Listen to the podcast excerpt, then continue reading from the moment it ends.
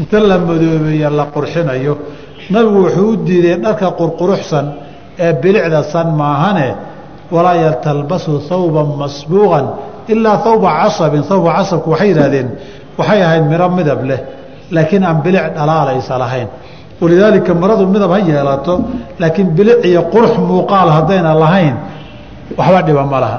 Saas darteed gabadhu waa inayna labisanin laakiin dhar cadow kay guriga ku joogta iyo kay meelahan deriska kaga soo noqota iyo kay caadi meelahan kaga soo adeegan jirtay een munaasabadihiiyo xafladaha loo qaadanin gabadh guurdoon ahoo bannaanka wax istusaysana aanay qaadanin baa loo ogolyahay ilaa ciddadu ay ka dhammaato. Masaladan waa masalo naskuna sheegay ijmaaca ummadda muslimiinta iyo fuqahadana ay hal qof ka badanoo culimmada soo guuriyeen inuu ijmaacaasi uu saxiix yahay laakiin mar haddii laga geeriyoonayo hadduu nikaaxu saxiix ahaa. Nikaaxu hadduu saxiix ahaa weeye. Nikaax masaafo ahaa oo faasid ahaa ixdaadku mawaajibba fiihi qowlaani laba qowl baa ku jirta. Naag geeri xaqa laga geeriyooday inay tahay iyo naagoo xoogay xeer jacab lagula joogay inay tahay baa muran taagan yahay. Marka saas darteed nikaaxa faasidka ah ma ixdaad baa ka waajiba oo masale khilaaf weyn fuqahada ka taagan yahayo sidii ilmihii nasabkiisu sugnaanaya aan raacinayo. War gabadha nikaax saxaba laguma qabine ilmaha si kalunbaa nasabkiisa u ogolaanaye afar bilood iyo toban habeen oo xarago iyo qurux iyo dahab iyo aadan qaadan karin waxba aan cadaabka la saarin bay yihaahdeen markii horaaba waxoogay xeer jacab meesha lagu joogay. Calaa kulli xaal masalada waa masalo kale. Nikaaxu inuu saxiixay baa shardiga ta nasku tusay ijmaacuna uu ku guntamay culimmada raxmat ullaahi calayhim. Qofku haddaba haweentu waxay isbasaasinaysaa muddadu waa muddadii ciddadeedee arbacata ashhurin wa cashran wey afar bilood iyo toban habeen haddii aanay uur lahayn. Hadday uur leedahayna inta ay ka umulayso ama ha dheeraado ama ha dhowaado sida xalay aynu soo marnay. Qof aan ahayn ninkii ma la ixdaad ma loo samaynayaa? Saddex maalmood baa la ogol yahay. Haddii qof qaraabadaadaad dhinto waxoogay murugadu inay kugu sii baaqi ahaato haddaadan maalmaha shanli iyo saliid iyo waxba samaynin waxoogay murugada iyo tiiraanyada waa lagu garaabi sharcigoo dembi ma lihid. Laakiin maalinka fare waa dambaabi. Ninku ixdaad ma gelaya xaasku hadday ka dhimato maya. Alixdaadu wuxuu raactabaacu yahay ciddada. Ninkana hadday haween kala tagaan iyo hadday geeriyootatoona ciddo kuma waajibto. Ixdaadkuna tabac buu ahaa. Haddii asalkii zuulo faracii faraca isaga ka ahaana waa tabaco. Geedka haddaad salka ka goyso laamuhu ma taagnaan karaan soo maaha. Ixdaadku wuxuu dulsaar ku yahay oo uu dabagal u yahay ciddaday ku jirtay gabadhu. Ninkiina hadduusan ciddaba lahayn isaga ixdaad lagama rabo laakiin saddexdaa beri baa isaga bannaan inuu xogay murugood oo tiraanyoodo wa cala almutawafaa canha haweentii uu ka geeriyooday zawjuhaa ninkeedu waxaa waajib ku ah iyo walmabtuutatu tii saddexdaba dalqadood loo dhameeyey mulaasamatu lbeyti guriga inay laazimaan ilaa lixaajati dan iyo baahi inay jirto. Sida gabadhii jaabir hrinti aynu ku soo sheegnay inay danaheeda u baxda maahane haddaba laa tukhrijuuhunna min buyuutihinna walaa yakhrujna bay intaba soo wada gelayaan maadaama ay ciddadii ku jiraan. Marka haddaba dhaqanku mararka qaarkood diinta markuu ka hor yimaado in la xakameeyo oo la xadeeyo ku fiican yahay. Faslun fasalkan waxaa weeye faslun fi listibraa'i in gabadha minkeeda la hubsado. Iyada oon baabu alaaq iyo geeri ku timid aan ahayn waxaa jira laba arrimood oo cilada iyo xikmadana isku mid ah. Magac iyo xukumkana wax ku kala duwan. Waxaa la yidhaha alciddatu walistibraau ciddada haweenku ay gelayaan asal ahaan haalibkeedu waa tacabud iyo cibaado wey asalkeedu shaa'ibatu tacabud baa ku jirto keliya wax ciladeeda boqolkiiba boqol la wada fahmi kara ma aha sababta waxaad ku garanaysaa inaan la wada fahmi karin haweenaan wax la hubo inayna ninkan isba arag bay ciddadu ku waajibtaa. Haweentii haddii gabadhii caawa la meheriyey ninkeedii caawa iyagoon reer isu noqonin uu dhinto arbacata ashhurin wa cashran bay tirsan. Meherkeediina way leedahay. Waanaan ku soo marray ibnu mascuud taasoo kale inta la weydiiyey oo uu sidaa xukumay inuu nin saxaabiya inta uu istaagay uu yidhi rasuulkaa tanoo kale loo keenay annagoo joogna gabarh cidda iyadoo ree ashjacoo birwac binti waashiq la yidhaahdayna ahayd nabiguna sina aad xukuntay buu xukumay waynu soo marnay. Oo gabadha ninka reer bay suma noqon. Sidii lagu meheriyey isagoo dibadda jira maba imanina waa ku geeriyooday. Ciddadu nooc tacabud ah ku jira halkaa waad ka garan. Waxaa kalood ka garan haween baa hadda la soo furi iyadoo shan sana ninkeedii aanay sarag hadday ciddo geli. Nooc tacabud iyo cibaada ah ku jira. Waayo shan sanaba ismaynan arage maay ka maxay ka ciddo u ha iska gashaa layidhi nooc tacabuda ku jira. Waxaa kale tii ninkeedu la joogay hal xayda iyo hal caadaa baa ku filan minkeeda inuu bannaan yahay in la ogaado. Saddex baa looga dhigay. Labada dambe maxay yihiin? Nooc tacabuda ku jira. Laakiin waxaa dhinaca kale kaga jira wax la fahmi karooo asal ahaan laba isqabaay inin iyo xaaskii. Asalku waa inay wada nool yihiin asalku ma aha guurkan hawadaa ma aha ee laysu wakiilanayeen intaaba la is arkaynin asalkii maaha. Xikmaddii guurka loo jideeyeyna sinaba uma waafaqsana. Waxaa loo jideeyey in qofkii naftii fa innahu aqadu lilbasari waaxsanu lilfarji. Shahwo xaaraanana wuu kaa ilaaliyaayoo xalaal baad heshay inahagu inay wax fiirfiiriyaanna waa kaa ilaaliyaa. Dee gabadhiiyo wiilka laysku meheriyey laba iyo shan sano weligood ba is arag. Muxuu xikmadda ku jirta maxay tahay? Aqadu lilbasarina ma aha axsanu lilfarjina ma aha qofkii xorta ahaa unbaa la xayirayoo lugta laga xiray. Waxna ma hayo wey magacna raac. Qofkii guur fasaxana ma hayo. Xarigna iyo xilna qoortuu la galay. Kaasi guurkii asalka ee sharciga ahaa ma aha ha asaxo. Guurka asalku waxaa weeye xaaje iyo baahi baa keenta xaajadiiyo baahidana marka la guursado waa lagu tooka gudanayaayoo dantiibaa lagaga baxayaae mid boosta iyo hawada laysu mariyo waraaqa iyo telefoon iyo imail iyo masaj laysku qabo maaha. Kaasi macno ma laha. Guri magacuyaala wey. Nin iyo naagtii asalku waxaa weeye waa reer wada nool. Waxaa dhici karta hadday kala tagaan in caloosheeda iyo minkeeda waxuu ku jiraa suuragala.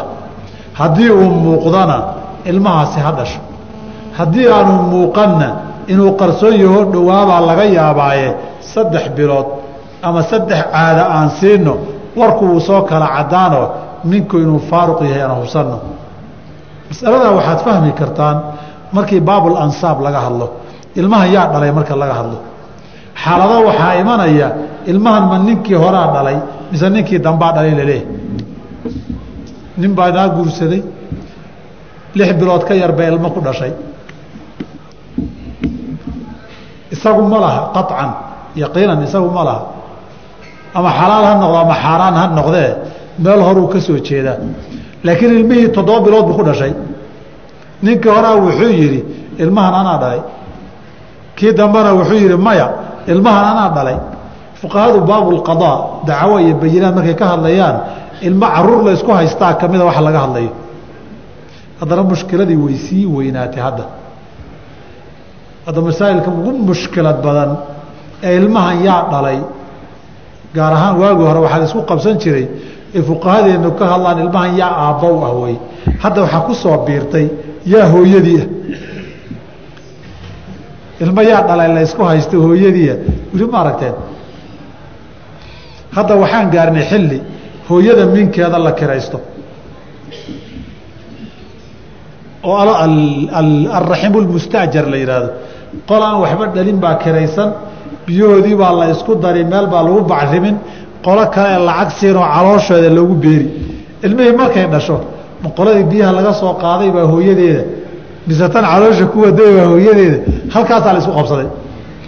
Qadiyad waxaa jirta hadda shan sano maxkamad faransiiskaa ku jirto oo la isku haysta faransa. Intay qola maalqabeen ahaa gabadh yaroo faqiir ee caloosheedii ijaarteen ba ilmihii markay dhashay waxay tahi anaa dhalay. Iyagana waxay dhi annagaa dhalla inoo kiraysnayd shan sano waxay ugu dambeysay iyadoo qadiyadii maxkamad la isdaba socdo. Marka hadda waxaa qadaayaadkii maxaakimta imanayay ka mida ilmahan hooyadii waayo waana masalada iflu anaabiib iyo talqiixu sanaaci markay ka hadlayaan ay kaga hadlaan. Si looga dheeraado ilmaha nasabkiisa in la isku qabsado waa in hooyada minkeeda la hubiyaa. Intayna qoys iyo xreer kala noqonin inaan dhinacii hore iyo ninkii hore waxba kaga hadhin. Waa in la hubsadaa. Oo ninkaa buuggiisa la xiroo la laabaa. Si ninkan dambe ilmihii alwaladu lilfiraashi u noqdo. Saas darteed baa ciddada loogu waajibiyey.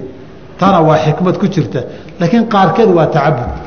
Waxaa wax la wadaaga xukunka ciddadaas waxaa la yidhahda istibraa oo qaybta dambe ah. Ninka hooyadii in la hubsado. Xaaladaha qaarkood baa shaa'ibadii tacabudku aada u yaraanayaayo hal xayd iyo hal bil ay ku filan tahay waa baabu riqi markay timaado wey faslun waman istaxdaa ninkii ay ku soo dariso milka amatin ninkii soo cusboonaysiiyee la yimaada milka amatin addoon buu milkiyey. Addoon baa milkigiisa soo gashay. Ama wuu soo gatay oo suuquu sayladuu ka soo iibsaday. Ama waa looga dhintay oo dhaxal buu u helay ama hibe iyo hadiyad baa loogu keenay. Ama khaniime iyo jihaad buu ku helay. Si kastaba ha ku soo gasha wujuhda sharcigae addooni kugu soo geli kartee ninkii addoon milkiyey milkigiisa addooni soo gasho. Xaruma calayhi waxaa ka xaraam ah. Alistimtaacu bihaa inuu ku raaxaystoo reeraystaa xaaraan ka ah xataa yastabri'ahaa ilaa uu minkeeda hubsado oo iska ego qofku ninka raggiihii haween xiriir wuxuu ugu banaanaa gogoleed imaa guur iyo nikaax wa milku yamiinin. Inuu leeyahy addoon ay u tahay. Waaladiina hum lifuruujihim xaafiduun ilaa calaa aswaajihim aw maa malakat aymaanuhum. Addoonta aada leedahay haddaba waxaa ka xoog badan caqdu nikaaxi aada ku qabtay istimtaaca kuugu bannaan bimilki اlyamiin baa ka xoog badan. Waayo kaasi saddex dalqadoodoo dhammaan karta wey. Kani laakiin dalqadna ma laha mana dhammaado. Adigu nin kaleba inaad u guuriso maahane wax kaa xiraba lama arko. Kaama furanto intay milkiga kuu tahay inaad iibiso ama milkiga ka baxdo ama adigu cid kale aada u guuriso maahane waa qof kuu bannaan wey. Saa darteed waxay yidhahdaan istimtaaca bannaanaanshahu ku bannaanaaday bimilki اlyamiini aqwaa min alcaqdi fi اnikaaxi kana ka xoog badan. Hadday taasi kuu bannaanayd haweentii milkigaaga soo gashay inta aadan reeraysanin en xiriir gogoleed idin dhex marin waa inaad minkeeda iska hubsataa. In kaanad hadday tahay min dawaati lxaydi haweenka caadadu ku dhacdo bixaydatin fayastabriu bixaydatin buu isaga hubsanayaa hal caada inay ku dhacdo wain kaanad hadday tahay min dawaati shuhuuri haweenkii bilaha tirsanayeyna bishahrin ay fa bishahrin faqad hal bil keliya wuu iskaga fiirinayaa wain kaanad hadday tahay min dawaati alxamli kuwii uurka lahaana bilwadci ay fa bilwadci ilmaha inay dhasho wuu iskaga hubsanayaa masalada asal waxaa u ah xadiidkii saxiixa ee abu saciid alkhudri radi allahu canhu ardaahu fii gaswati awtaasin. Maalinkii hawaasin lala dagaalamayay iyo haqiif yowma awtaasin ee xunayn maalinkii la sheegay weeye. Wa yowma xunaynin id acjabatkum karatukum markii dambe nimankii laga adkaaday inta lagu rogaal celiye laga adkaaday baa wax badan laga qabtay. Ninbaa taladu ka xumaatayoo nimankii reer hawaasin ahaa ninkii suldaanka u ahaan jiray ee dagaalaqoodka ahaa baa duq waayeeloo indhabeelay buu noqday haddii nin waayeeloo indhabeelay xilka ma hayn karee nin dhallinyaro ah baa suldaannimadii iyo boqortooyadii lagu wareejiyey raggii oo dagaalkii cararaya markuu arkay buu haweenkii iyo caruurtii iyo xoolihii buu ka soo dabaraday wuxuu yidhi ninkii cararay ilmihiisii iyo caruurtiisi iyo xoolihiisu halka kaga tegey. Duqii waayeelkahaa indhaha la-aayoo meel jooga baa jabaqii la yaabay carruurta iyo haweenka iyo xoolaha markaasuu raggu yeero wuxuu yidhi waree dhahay waa maxay jabaqaan maqlayo waxaa raggii si aynan u cararin baa haweenka iyo xaasaska iyo ciyaalkiiba la keenay. Markaasuu wartaladii goba-dayga sida ku teliye waa kee. Markaasa waa ninkii hebel ahaayee de xilka lagu wareejiyey igu yaaru yidhi. War maxaad saa u yeeshay? Inaan la cararin baan rabay. Wuxuu waree dhaygaara ku dhacday. Rag ma taqaanide nin jabay wax kala ma jalleecee? Orod cagaha wax ka dayaa naftaar bay kugu hamiintaaye haweenka iyo carruurta celi. Meel gollaha iyo buuraha gee ragga intii soo cararta mar kale ha is urursadaan. Oo meelay ku soo hirtaan ha noqoto. Uu ka diiday oday waayoloo kharafaa tahay buu ku yidhi. De maalinkii markay saa u jabeenba xoolihii iyo haweenkii iyo carruurtii meel cidlaa lagaga dhaqaaqay. Ninku haddii la jabo ilmihii carruur lama xasuusto marka. Saasaa muslimiinta waxaa u soo gacangalay xoolihii iyo carruurtii haweenkii oo dhan haweenkii dee xoolihii waxaa la qaybsaday ka mid noqdeen. Khaniimahii bay ka mid noqdeen. De ragguna rag soo safrayo madiine reerahoodii in badan kaga soo tageen bay ahaayeenoo mudda dhexda ku soo jiray makiya madiine waa ilaa toban beri baa la lugeynayey makaa la furtay muddaa la joogay. Xunayn iyo hawaasin iyo haqiif baa loo sii baxay.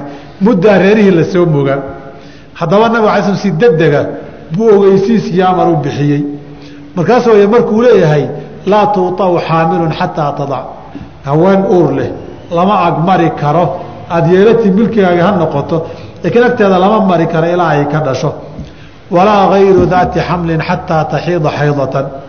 Ilaa hal caada ay ku dhacda midda kalena looma dhowaan karo minkeeda ilaa la hubsado. Waa maalinka uu leeyahay kale nabigu alayh salaam ilaahay ka cabsada ninka ilaahay iyo aakhare rumaysan falaa yusqi maa'ahu zarca gayrihi beer nin kala abuurtay biyahaaga ha ku waraabinino tuubada ha isaga sii dayni buu yidhi. Saas darteed minkii ilmihii ansaartii ilmahan yaa dhalay in la kala saaraa la doonayaa innaguna wacalkaan u alalaasnaayo markaasaan u qalinaa reeraha in ilahi ha laga boqo. Waidaa maata haddii uu geeriyoodo sayidu ummi lwaladi ummulwaladkii addoontii sidaa ahayd ee ninkii lahaay uu reeraystay ee ilmo u dhashay ama uurkaba ku siday haddii uu geeriyoodo istabra'at nafsahaa way hubsan kalamati sidaa addoontii oo kale. Waxaana yidhaahdeen ummulwaladku ilmay caloosha ku wadaa ama wayba dhashayba. Ninku haweenta markuu ku xaasaysto addoontii uu lahaa ay ilmo u dhasho ama uurkiisaba ay qaado baa ummulwalad la yidhaahdaa. Manaa ninkii lahaa ilmihiisii bay hooyo u tahay hadyadoo sidaa ahayd haddii uu geeriyoodo mas'ala mas'aladan ka horeyso ay ku salaysan tahayoo cataqat min ra'si ilmaali. Marka u horeysa saa u geeriyoodaba intaan la aasin bay xoroobi xor bay noqon. Waxay yidhahdeen maxaa loo maaa maxay u xorowday? Ilmaha caloosha ku jira ee ninkeeda ay u dhashay horta ilmo xora weeye dhaxalkuuna wax ku leeyahay hadduu dhaxalkii wax ku yeeshayna laba isdhashay iyo laba maxram isu ah sharcan isma milkiyi karaan. Qofkiina xadiidna waxaa kaga sugan nab ala slam kitaabulcidqi baan ugu tegi doonaaye man malaka raximan daa raximin maxramin cataqa calayhi. Ninkii milkigiisu uu soo galo qof raximkiisa uu le maxramkii hoose ah markaaba toos buu xoroobaa hooyadii maadaama ilmaheedii dhaxal ay u muteen ma dhaxli karaane horey ka xorowday. Ayib hadday xorowday ninkiina dhintay ma ciddatulxura bay geli oo sidii xaas la qabay bay noqon. Mise ciddatlamati addoontii ciddadeedii ninkeedii sidii addoon bay noqonoo hal xayd iyo hal bil bay minkeeda ka hubsan. Culimmada qowlaani liahli اlcilmi halkan isagu wuxuu qabaa xukunkii cinda alwafaati ay lahayd oo addoonta ahayd baa la siin. Bictibaari maa kaana wey alaslu baqaau maa kaana calaa maa kaanadi. Iyo bictibaari maa kaana baa lagu salaynayaa. Say ahaan jirtay culimmada qaar baa sidaa ka duwan qabo haddii uu asaxo walow hadal yar uu ku jiro haddii uu asaxo camr ibn caas hadalka ibni xibbaan iyo keyrkii ka wariyeen ee uu leeyahay laa tulabisuu calayna sunnata nabiyina sala allahu calayh wasalam wareedhahay sunnadii nabiga mugdi ha naga gelinina. Ciddatu ummi lwaladi arbacatu ashhurin wa cashran ummulwalad waxay ku ciddo tirsan afar bilood iyo toban habeen. Waa gabadh xor oo kaleetee tahay maadaamay xorowday waxay yidhaahdeen waxaa tanqis qaar ba waxay qiyaaseen sida zuhri iyo kayrkii.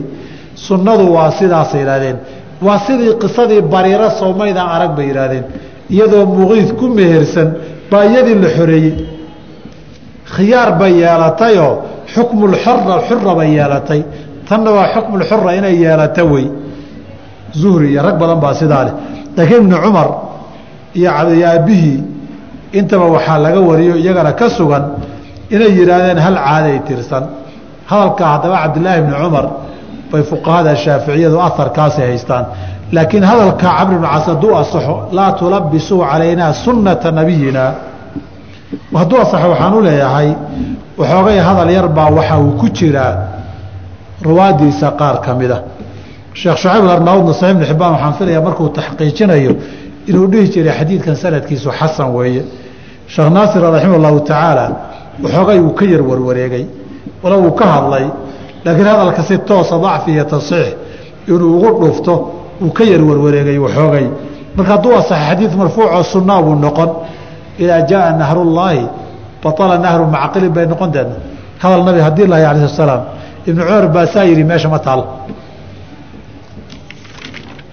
Faslun masaladan masalatu ridaac wey nuugmadii ilmaha la nuujinayey iyo axkaamta ka dhalanaysa iyo goormay nuugmadu u xaaraantinimaysaa waidaa ardacat ilmar'atu haweentu hadday nuujiso bilabanihaa ilmaheeda caanaheeda waladan ilmay nuujisay saara radiicu ilmihii nuugay wuxuu noqon waladahaa ilmaheedii ay dhashay oo kale bisharayni laba shardi haddii la helo.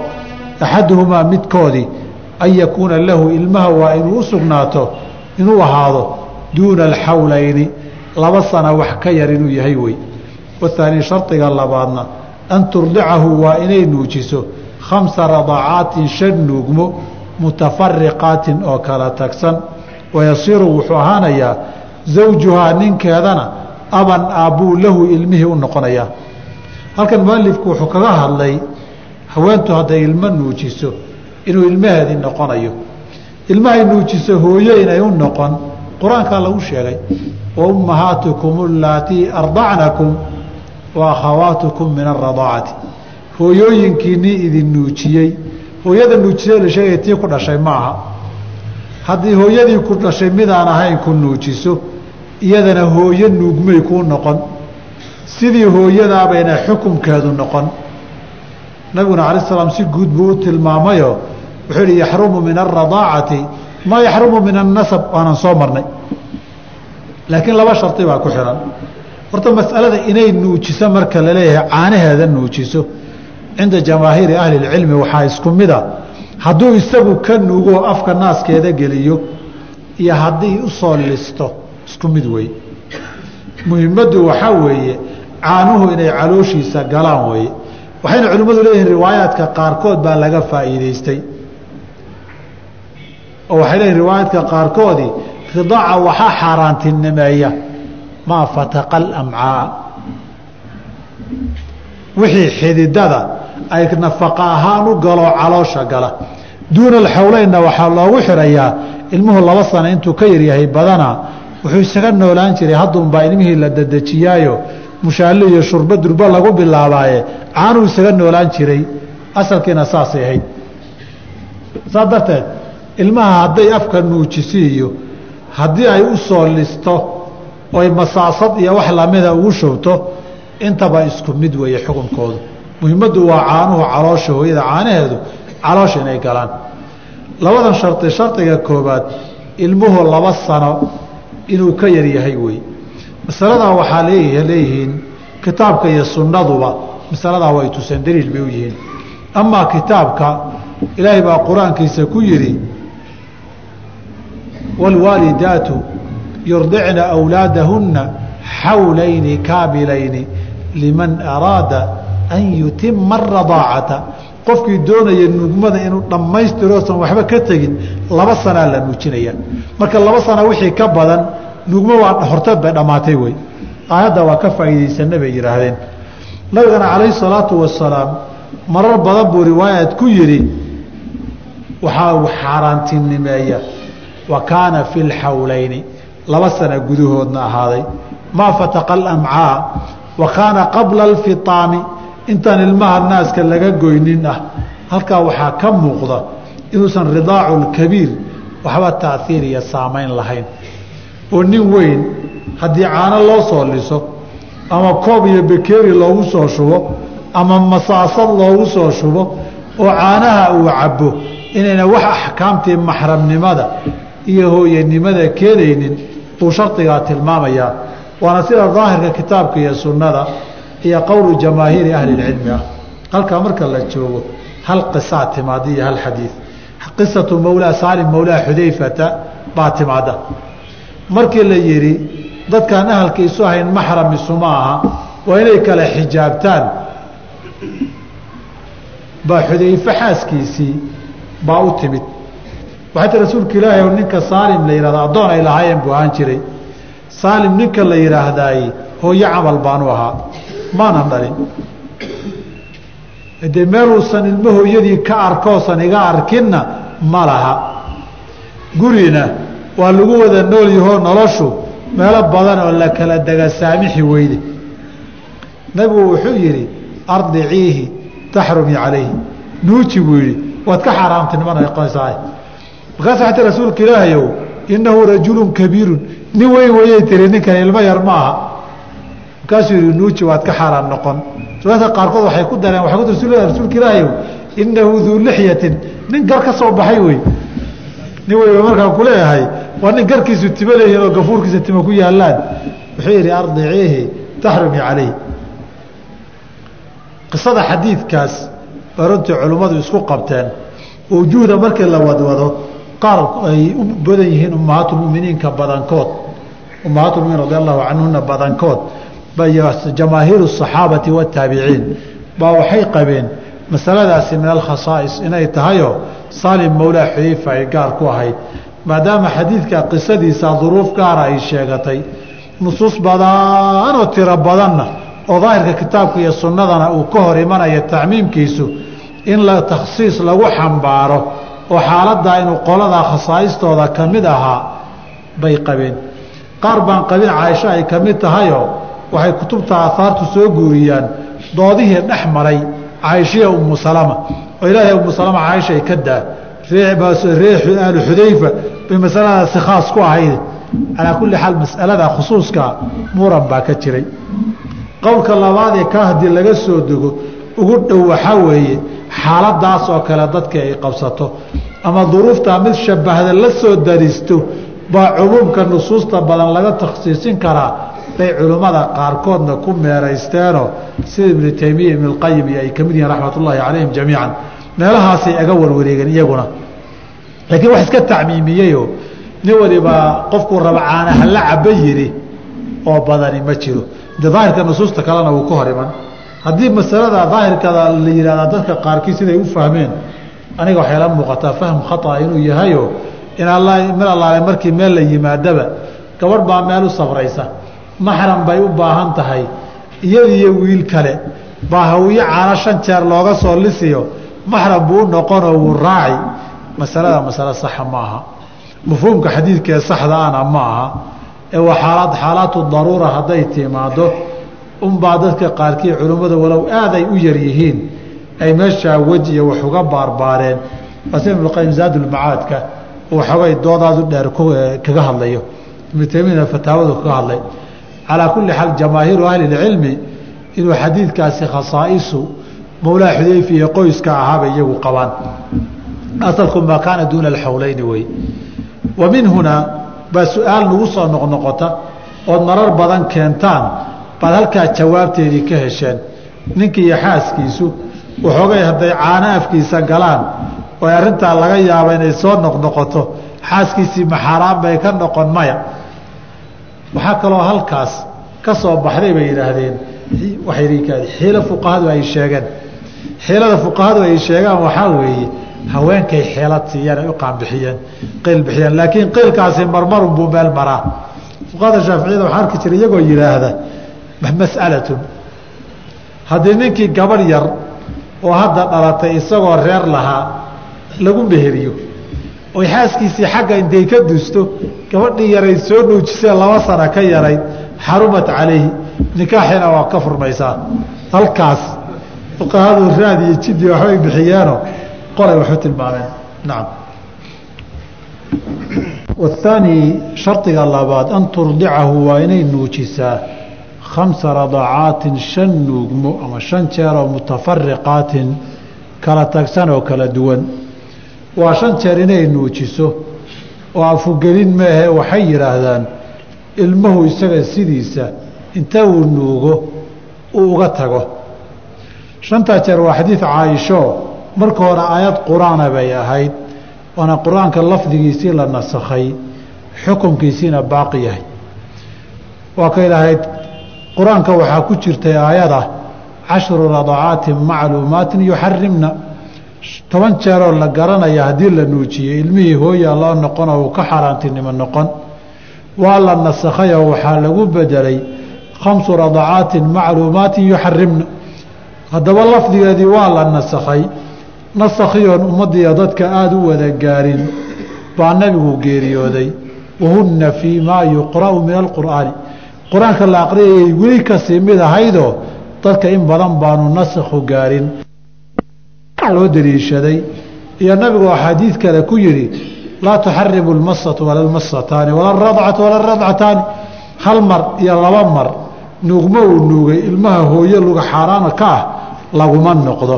Waa shan ugu yaraan in la gaarsiiyo wey.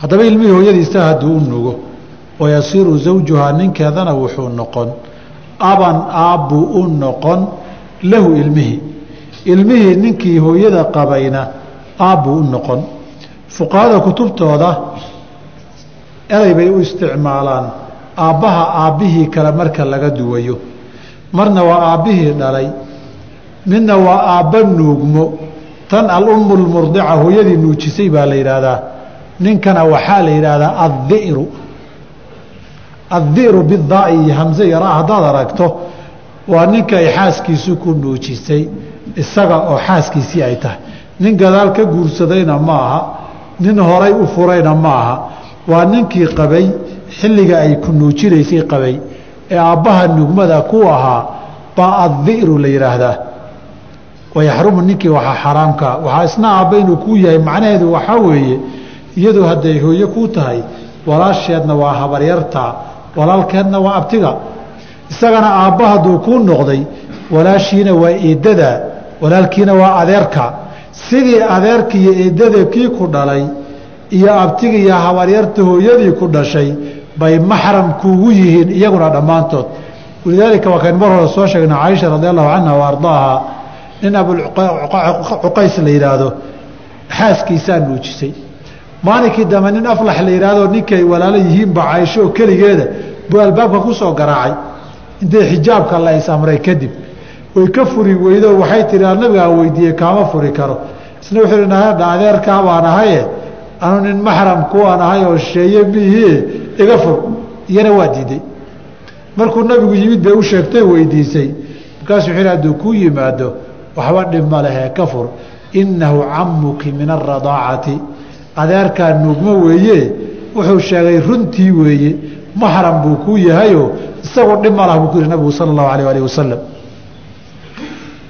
wayaxrumu waxaa xaaraana cala almurdaci kii la nuujiyey ataswiiju inuu guursado ilayhaa iyadii nuujisay inuu guursado wa ilaa kulli man naasabahaa qof kastoo iyada ku abtirsada oo nasab ay wadaagaan oo iyada sidii hooyo dhashay hadday ahayd uga xaaraanti noqon lahayd baa xaaraanka ah gabdhahay dhashay baa xaaraamka waxay sii dhaleen baa xaaraamka ah iyadu haddii ilmaha la nuujiyey gabadh uu yahay islaanta wiilashay dhashay iyo waxay sii dhaleen oo dhan baa xaaraamka ah waayo qaarna waa walaalo qaarna eediya adeer baad u tahay qaarna habaryar iyo abti baad u tahay wiiliga gabadh midkaa tahayba.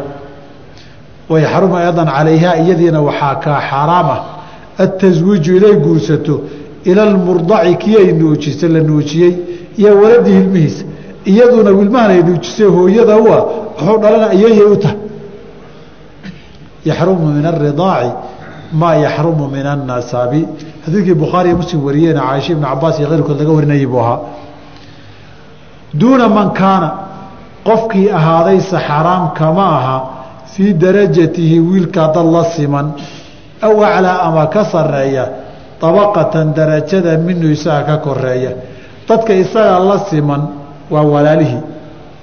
Hooyadii ku nuujisay walaalka oo aanay nuujinin way guursan kartaa dhib ma laha. Walaalkaa way guursan kartaa. Walaalkaa xaaskiisu hadday ku nuujisa adoo yarna hooye ay kuu noqoto isagii xaaraan ka noqon mayso. Mid idaydan la yaabin baa laga yaabaa nin baa xaas qabay. Hooyadii baa dhimatay. Wiil yaroo walaalkii ay ka tagtay. Xaaskiisoo ilmo yar haysta hadday nuujiso. Waxaan filayaa inaan dhib lahayn baad u aragtaan. Adigu xaaskaagu ilmo yaroo walaalkaa oo rajay noqday inay caruurtaada la nuujisaay dhib ma laha. Kuwaad dhashay bayba hooye u tahay. Inay walaalka hooye u noqoto maxaa diidaya? Laakiin dadku waxay yar qariibsanayaan adiga oo weyn hooye ku nuujiso ood hooye leedahay. Walaalka oo weyn oo kale inay gadaal iska guursadaan natiijaduna waa isku mid. Hadday nuujin karta isagoo qabo inay xaaraan ka ahayd iyadoo ku nuujisay dib uu ka guursan karaa. Masaladan waxay shabahdaa masale soomaalidu fuqahada soomaalidu xedaala ay ka dhigi jireen. Waxaad sheegtaa furtaa baa la dhihi jiray maa cawa waan mashquulsanahayoo walaalkay iyo walaashay baa isu isu guurinayaayoo arooskoodii ka qaybgelayaa seediga iyo dumaashiday arooskoodaan ka qaybgelayaa wey. Labadan midna walaalaad tihiin kanna walaalaad tihiin iyagaas waxba iskama gelin. Walaaltinimadan ridacna way noqon kartaa bay yidhahdaan nasabna way noqon kartaa. Midkan aabbaad wadaagtaan kanna hooyaad wadaagtaan iyagaas waxba isaga dan maa adiga hooyada aabbaha bay kala tageen nin islaameed bay guursatay carruur dhashay. Aabbahana islaam kale u guursado carruur kale u dhashay. Kuwa aabbaad wadaag ka tegi kuwaana hooye laakiin iyaga waxba iskama geli soo maa walaalka iyo walaasha isu guurinaya saga way ku dhacdaa. Ridaacana way ku dhacdaa. Hooyadana ilmaad la nuugtay oo walaalaha way caruurteeda tanna way ku dhashay laakiin iyagu kulama nuugino walaalaha nasabkaa wey labadoodii waa isu guurin kartaa walaalaha marka hooyaday baan walaalkay u aroosayaana waad dhihi kartaa. Baaburidaac keliyay suuragal ka tahay marka. Nasab suuragal kumaho aabbuhu islaantii adiga ku dhashay wiilkii aabbahaa dhalay weligii ma guursan karo. Laakiin baaburidaac bay suuragal ku tahay. Walaalkay baan hooyaday u aroosayaay waa baaburidaac keliya ahlxidhaalayaashay iyadana ka mid ahaan jirtay masaladaasay ku bannaan tahay sheeg haddii lagu dhaho ninbaa walaalkii iyo hooyadiibuu isu aroosay oo arooskii iyo xafladiibuu qabanqaabiye ka noqday say ku dhici kartaa baaburidaac baa lugta la gashay dheh. Hooyadii nuujistay aan dhalin weeye iyo walaalkii oo fii darajatiha oo isu bannaan yihiin. Aw aclaa abaqatan minhu waxaa weeye adeeradii wey adig hooyada ku nuujisay adeerkaa waa guursan karaa. Haddii walaalkaaba guursan kara adeerkusoo kama sii darna taasi dhib ma laha. Faslun halkana baabu nafaqaat qismu nikaax. Fasal labadii fasal ee ugu dambeeyey waa nafaqada iyo xadaanada xanaanada ilmaha wey. Nafaqadaynu qayb ka maraynaa caawa shardiba su'aalaha badane si uu u dhammaado. Nafaqada markii yay nafaqadiisi iyo biilkiisu ninka waajib ku tahay ama qofka yay nafaqadiisi iyo biilkiisu ay waajib ku tahay. Dadka nafaqadooda lagaa doonayo waa laba qaybood. Dad nasab isukin keenay iyo daduu guur isukin keenay wey. Dadka nasabku labo wujuubkoodu waa nasan wa ijmaacan wey. Hadday usuul yihiin iyo hadday furuuc yihiin waa nasabka. Qofka guurka isukin keenayna waa xaaskaaga waxaa intaa ka badanee nafaqadeedu cinda shaaficiya waajibto waa bimilki lyamiini adu inaad leedahayoo ama addoommo yihiin ama xoolo kale yihiin xoolahaaga nafaqadooda iyo biilkooda adaa lagaa rabaa iyo daaqsintooda sooma marka cinda shaaficiyati qaacido guud marka aad qaadato waxay ku waajibtaa saddex sababood nafaqadu. Imaa binasabi bay ku waajibtaa wa binikaaxi bay ku waajibtaa wa imaa bimilki sabab baa waajibiya nikaaxa waxay waajibisaa xaas keliya. Wabittaali xaaska reerkooda nafaqo waajiba kuguma laha. Silaturaxim mooye. Nasabkana cinda shaaficiya usuusha iyo furuucday waajibisaa. Laakiin xawaashida kula simanee walaali iyo abti iyo adeer iyo eedi iyo habaryar ah silaturaxim maahane nafaqo waajiba kuguma laha milkilyamiinna de xoolahaaga noloshoodii iyo cuntadoodii iyo nafaqadoodii adaa lagugu leeyahay. Xoolahaagu hadday dad yihiin iyo hadday dunyo nool yihiin labadaba adaa lagugu leeyahay. Tiibuu ka hadlayaa wuxuu yidhi nasabkiibuu ka bilaabay. Wa nafaqatu lcamuudeyni labada tiir nafaqayntooda oo min alahli ah waajibatu way waajibtaa lilwaalidiina kuwii wax dhalay iyo walmawluudiina kuwii la dhalayba. Labada tiiree isku taagan ee kor iyo hoos kala jira ee laku usuushaadii iyo aabbiyi hooye ah ama ilmihii la dhale ee kaa hooseeyeyah nafaqadoodu waa waajib. Amaa waalideynkan nafaqadu waajib tahay waxay yidhaahdeen laba arrimoodba waa laga faa'iidaystay. Kitaabka qur'aanku waa sheegay sunnada nabiguna waa sheegtay culimmada muslimiintuna waa ku ijmaaceen. Amaa kitaabka qur'aankii wuxuu ku sheegay labadaada waalid wa saaxibhumaa fi dunyaa macruufan si wanaagsan dunida ugula dhaqan baa lagu yidhi. Wanaagga ka weyn muxuu yahay waalidka oon waxaysanin in la masruufo wax la siiyo wanaagga ka weyn ee loo qaban lahaa ee ka muhiimsani. Waxay yidhahaan ma jira kan ugu badan koobaad isaga wey sunnaduna way ku tustayoo mar nabigaa la weydiiyey man axaqu nnaasi bixusni suxbati inaad si wanaagsan ula xiriiro oon ula noolaada yaa ugu xaq badan wuxuu yihi ummaka hooyada. Uma man yaa ku xiga hooyada. Yaa ku xiga hooyada. Yaa ku xiga aabbaha aabbihiisoo boqolkiiba labaatan iyo shan lama siinin. aabbihiibaa axaadiid kale sii adkaysayoo nin baa u yimid nabiga cala slat slaam wuxuu rasuulka ilaahayow xoolaan leeyahay aabbahayna wuu u baahan yahay. Anigana xoolihii inuu iska qaato. Ba waxoogay dhibaysa. Markaasuu wuxuu yihi anta wa maaluka liabiika. Adiga iyo xoolahaadaba aabbahabaa idin wada leh marna nabigu markuu kasabka ka hadlayay marar badan waa kii ku dhiirigeliyey ee yidhi qofka wuxuu cuna waxaa u wanaagsan. Ina ayiba maa akala rajulu. Qof wuxuu cuno waxaa ugu nadiifsan oo ugu xalaalsan min kasbi yadihi. Wuxuu gacantiisa ku shaqaystay. Wa ina wlaadakum caruurtiinana min kasbikum. Waxaa shaqaysateen buu ka yahay. Mar kalena wuxuu le wainaa mina atyaba kasbikum waxaa shaqaysataan kan ugu fiicane ugu xalaalsanna awlaaddiina xoolahooda wey saas darteed waalidkaagu gurigaagu wax iska xaraashi karaa wixii safiinnimaa waa xaaraan gaarigaaga intuu kaxaysta iska soo xaraasho intuu u baahdo xaq buu leeyahay. Anta wa maaluka liabiika waay ad maxaa tahay?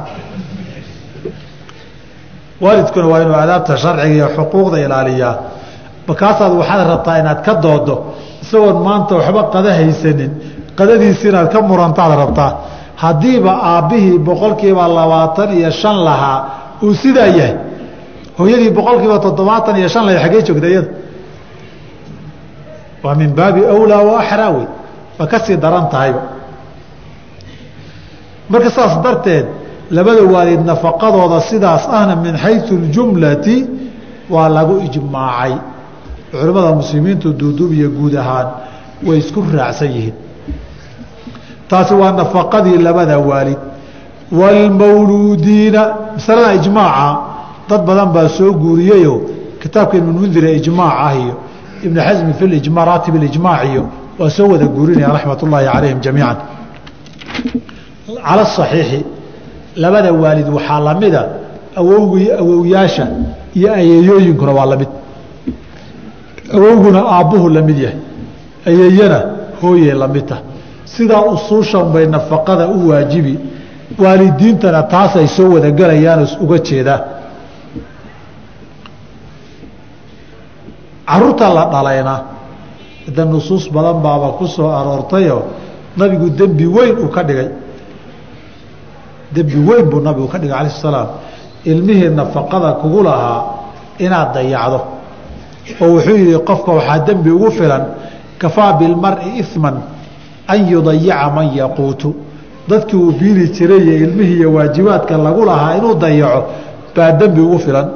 Anu dacwaan u baxay iyo tabliiq baan soo wareegayey ilmaha waxba igama gelin kaa saari mayso. Waa waajib diinahoo ku saaran oo inaad fulisood gudatood rabbi ugu dhowaata lagaa doonayo wey iska baxo iska soo wareeg haddii aad meesh meel wax u saartay. Laakiin waxay dooni ha noqdaane anu meelahan iska soo warwareegiyo masaajidaan soo seexseexan masalo sharciga ogol yahay maaha adoo nafaqo iyo waajib diinadoo sharci ah uu ku saaran yahay fa ama alwaalidaani waaliduuna kuwii wax dhalay fatajibu nafaqatuhum way waajibtaa bisharطayni laba sharطi alfaqru wالzamaanatu alfaqru inuusan waxba haysanin wالzamaanatu qof jiisi oo boos a inuu yahayoo lixdii laxaad waxla waa indhala yahay ama lugihiibaa waxsi ka yahay ama duruuf caafimaadoo wuxuu qabaa uusan shaqaysan karin. Aw ilfaqru faqri iyo waljunuunu waali sidaa uu sheegay mualifku madhabka maaha. Masaladan qowl aqwaasha madhabka oo daciif ilmadhab ah buu mas'aladaa maray. Markuu shardiga zamaanada ama junuunka ka dhigay sida imaamu nawowi iyo keyrka ay leeyihiin aladharu fi lmadhabi madhabka shaaficida raajixa waxaa weeye waalidku mar hadduu faqiir yahay nafaquu kugu leeyahay walow kaana qaadiran cala alkasbi. Xataa hadduu nin xoog loo xamaalan kara yahay mar hadduusan waxaysanin xoolahaaga lagama xigo. Xoolaha adu aada leedahay buu wuxuu raba ka qaadan karaayo u baahan yahay baahidiisaa isagoo xoog leh oo shaqaysan kara. Ee zamaanadan qof lixdii laxaad waxla ama waalan inuu yahay shardi maaha. Qodobka in la shardiyaay waa qowl daciif fi lmadhaba weye walidaalika nabigu wuxuu leeyahay cumuumka ilaahay ixsaan ilalwaalideyn uu amray baana daliil uhoo caddaynaysa. Hal shardi oo kalea ku xiranoo markii nafaqadu ku waajibaysa faracii la dhalay isaguna waa inuu waxhaystaa hadduusan waxbaba haysanin oo isagiiba faqiir yahay laa yukalifu llaahu nafsan ilaa wuscahaa wey. Waxaa laga hadlayaa xaalad adna aad waxhaysato waalidkaana aan waxhaysanin mujtamaca soomaalida isxiriirintaa way ku fiican yihiin.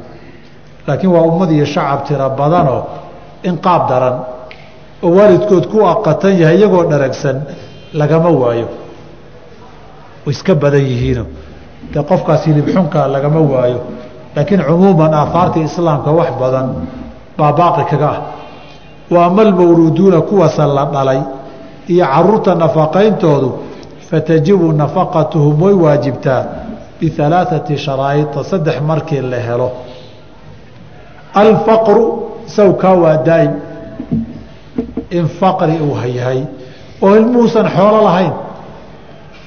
Hadduu ilmihii isagu xoolo leeyahay oo xoolihiisiiba ay joogaan isagaa de waalid nafaqa kuma laha. Caruur yarinoo xoolada idinkuma aragteen. Ilmo yaroo laba jir iyo saddex jir iyo shan jir iyo toban jir oo xoolaa weli ma aragteen anu waa arkay. Qolyihii caydha doonte ee xaggaa galbeedka u qaxay caruurtooda badankood waalidka nafaqa kuma waajibto. Sababtoo adee ilmaha waddamada curfiga iyo qaanuunka dowladdaa iska leh. Adiguna wakiil u hayaa tahay. Saa darteed caafimaadkooda dowlad baa siisoo bixisa. Waxbarashadooda dowladdaa bixisa. Biilkooda iyo nafaqadooda dowladdaa bixisa. Dee dowladdan biilanaysa ee caafimaadka ka bixinaysa ee waxbaranaysa ogow ilmihii iyadaalahoodu wakiil u hayaa tahay. Dee wakiilkii maalmaha dambe say rabta haddaad u hayn weydo soo inay xilkii kaa wareejiso kaa qaadatay iska caadi maaha ilmaha laga qaatay dadkada aada maqlaysaan mabdaa asaaska ee lagu siiyo ilmaha lagu biilo wey carruurta lacag baa la siiyaa marka. Caruurta lacag baa la siiya waddamada kale lacag badnaadaane lacag haddii biilka reerka loogu daro dee biilka qaybtoodii dabooshaa la siiyaa. Su'aasha saa tahay waxaad ku garanaysaan su'aalaha badan waxay yimaadaan markay ilmuhu agoon yihiin. Ba su'aala lagu soo weydiina agoonta waxoodii qaraabada wax mooga diri karaa meesha lacag baa taalesu maragti waxbay haystaan agoonta yaryaray agoon ahaan gaar keliya loo siiyana ma ahee marmar baa waalidka mas'uuliyad dheeraada lagu siiyaa carruurta sidaasihi inta waxoodaasi wax uga yaallo waalid nafaqana kuma laha. Sakaatulfitrina ka bixiyaana waajib kuma waayo xoolahoodiibaa yaalle yaa ka bixinoo mas'uula qofku xoolahoodii haya baa lagu leeyahay nafaqadoodii inuu ka bixiyo. Haddii islaantu iyada isku qorto oo iyada jeegu ku soo dhaco oo iyada akownka loogu soo shubo iyadaa ilmaha biilkoodii sakaatulfitrigiiba sharcan laga rabaa. Waa ilmahan faqiir mee xoolay leeyihiin. Saa darteed ilmaha yar hadduu xoolo leeyahay nafaqadiisu waajib kuguma aha wasikaru faqri keliya meehee inuu ilmo yar yahoon qaan gaarinna iyadana waa shardi labaadoo la socda. Aw ilfaqru wazamaanatu ama inuu faqiir yahay ilmahaagii laakiin qof lixdii lixaad waxla oo boosa uu yahay oo naafo ah. Qofka naafada ah ee faqiirka ahaba weynaadee waalidku hadduu waxhaysto nafaqadiisu iyo daryeelkiisu waajib buu ku yahay. Aw ilfaqru waljuruuru ama waxbaba ma haysto waa wen yahaye waa waalaya oo maankiisiiya maskaxdiisuba ma fayooba. Haddaba qof naafo oon shaqaysan karin iyo qof maskaxaan baan u fayoobeyn iyo ilmo yar hadduu mid ka mid ihi faqiir noqdood adiguna dhashay nafaqadiisi iyo biilkiisu waa kugu waajib bishari an takuuna muusiran. Adiguna wa haysataa shariga haddadan waxbaba haysanin. Laba qaawan isma qaado faaqidu shay laa yuciihi dheh. Wa nafaqatu raqiiqi addoommada in la nafaqeeyo iyo walbahaa-imi xooluhuna waajibatun wey walaa yukallafuuna laguma mashaqeeyo oo laguma cusleeyo min alcamali shaqada ay xoolihii iyo addoommadu qabanayaan maa laa yutiiquuna wax aynan awoodin. Nabigaana ka sugan tahay calayhi salaatu wasalaam inuu yihi qofka addoonkee la leeyahay wuxuu xaq u leeyahay طacaamuhu wa sharaabuhu wa kiswatu cuntadiisi iyo cabitaankiisi aradbixiisu leeyahay. Walaa yukallafu min alcamali ilaa maa yutiiq. Waxuusan awoodinna shaqo loo diri maayo. Riwaayadka qaarkood wuxuu ku jiri walaa tukalifuuhum min alcamali ilaa maa yutiiquun waxay awoodaan mooyeen wax kale ha u dirina fain kallaftumuuhum faacinuuhum haddaad shaqo ka badan u dirtaanna garab iyo kaalmo ugu noqdo garab ku siiya kuwaas waa addoommadii addoonkani sidiisaba waxaa dhici karta qof muslin inuu yahay waa qof walaalka ah waa qof aadama ah waa qof muslim ah ilaahay umbaa wuxuu qadaray inuu addoon gacantaada ku hoos jiro adiga kuu baahan ood maamulato uu noqdo. Haddaba karaamadii iyo qadarintii iyo xurmaddii iyo sharaftii daryeelkii iyo dhaqaalayntii inaad ka daysa lama ogola. Inaad sharaftiisa ku xadgudubto aada xaqiisa ku tumatana sharciga ma banaana walidaalika nabigeena waa kiila alai slat ikhwaanukum waa rag waa dad walaalihiina. Khawalukum dad idin shaqeeyood adeegsataa weeye saas darteed waxaad cunata cunta sii. Waxaad xiratana u xir. Shaqo uusan keli karinna ha u dirin. Haddaad u dirtana ugu kaalmee buu nabigu yihi calayh salaatu wasalaam saasaa la rabaa. Marka laakiin addoonnimadu waa xugun sharci ahoo ku tacalluqay wey asalkeeduna in ilaahay ka baq laga waayey oo intaa lagu ciqaabay wey hore uga soo hadallayoo masalada addoonnimadu aad masale aada u qiimo badan weeyo inay soo noqoto aadamuhu ay u baahan yihiin. Wax loo baahan yahay wey aadamuhu. Aadna u fiicnaan lahayd inay soo noqoto. Haddii islaamku soo noqdona xeerar adduun baa jiri iyo ummado midooba wax ku heshiiyey iyo ummadahan dulmiga isugu tegey waxaasoo dhan sagaali kama biirsatee? Markii islaam yimaado badda iyo qashinka umbaa lagu daray qashinqubka unbaa waraaqaha ay qorqoreen ay saxsaxiixeen unbaa la geyn. Xukun sharci oo ilaahay jideeyo oo diinta ku cadna umamulmutaxida u n baa ku heshiisay iyo heshiiskii iyo miihaaqii janeeva baa ka hor yimid. Kuwaas weliba ku dar naasikh ma ku aragteen? Qur'aanka waxaa nasakha miihaaqa janeefa weliba maqasheen. Diinta ilaahay janeefana ma nasakdo new yorkna laguma nasakho u n-na ma nasakhi karto xukunka sharciga waa xukun diin iyo kitaab iyo sunno sheegeen oo baaqiya maslaxad iyo dan ku jirta unbuuna baaqi u yahay. Wax adagna maaha. Insha allahu markaan kitaabka gaarna kitaabuuljihaad markaan gaarno baan intaa ka badan faahfaahin doonaa mas'alada aadamuhu inay u baahan yihiin ka maarmin. Haddana way jirtaaye magaca unbaa laga bedelay. Sidii xaqii islaamku sheegay si aada uga qaab daran bay u jirtaayo aada uga sii foolxune magaca unbaa loo bedelay. Markaas waxaan ka sheegi doonaa insha allahu tacaala. Amaa xoolaha iyo xayawaanka de nafaqadoodu waajib bay kugu tahay. Milkiga iyo intifaacu bilaash maaha.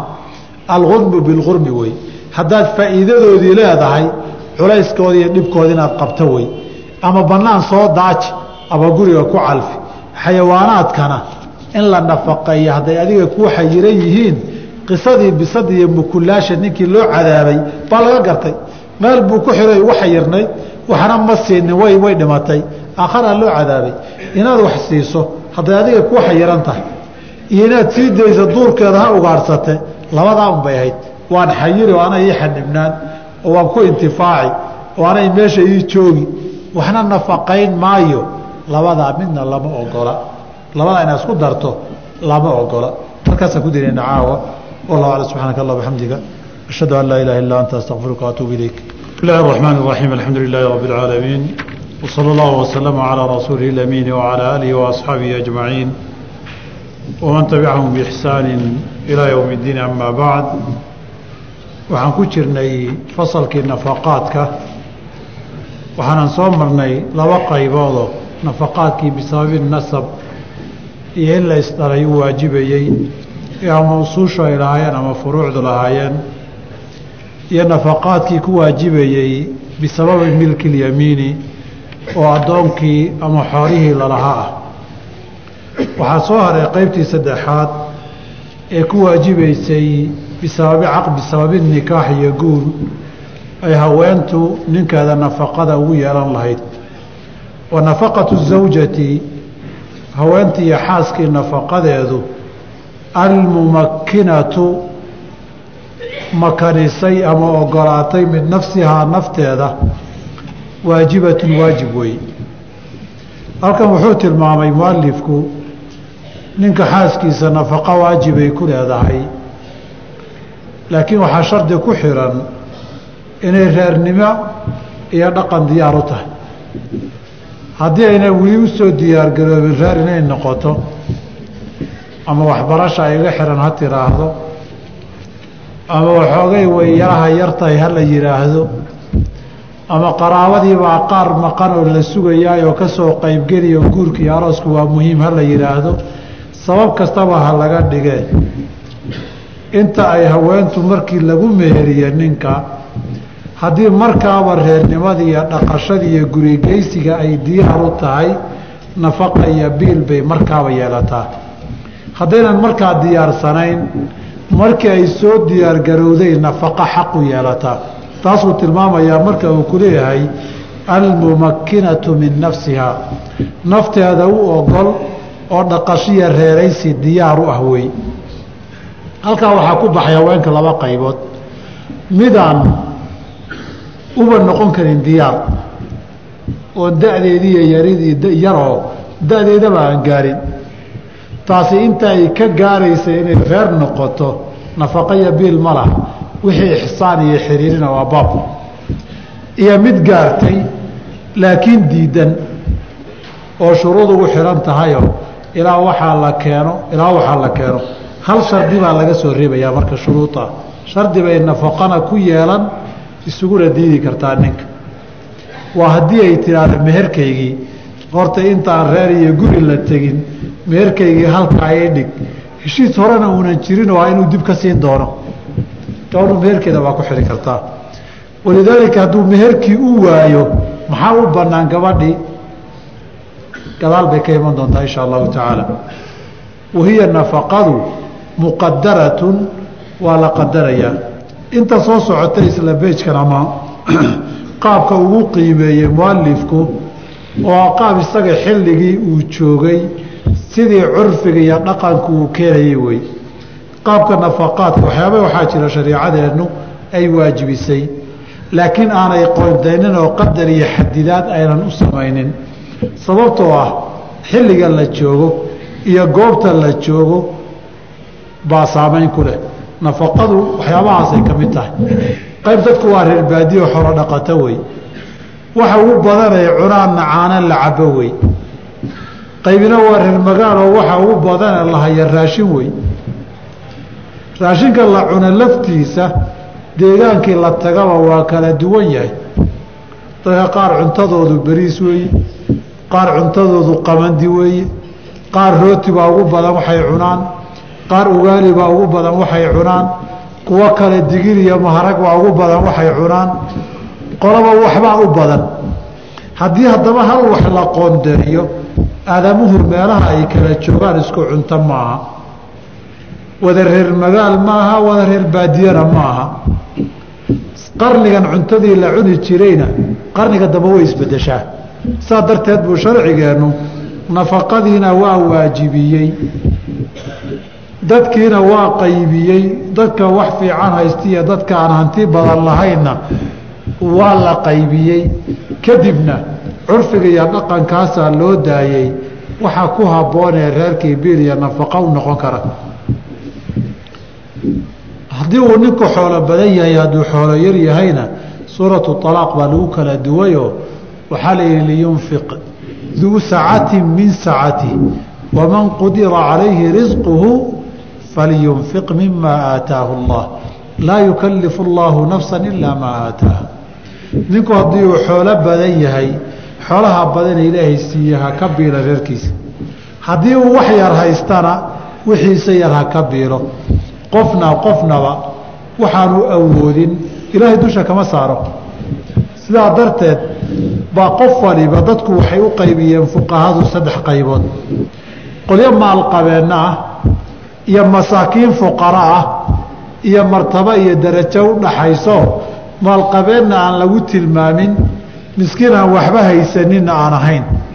Nin waliba saddexdaa darajo baa la rabaa qaabka haweenka biilka loo siinayo inay u kala duwanaadaan. Oo ah siday soomaalidu hore u tiri nin waliba taagtii bay qodaxi ku tagtaa. Haddaad qodax ku istaagta adoo aada u culus meel fog bay gaari. Adoo aada u fudud haddaad ku istaagtana meeshaa meel ka dhow bay gaari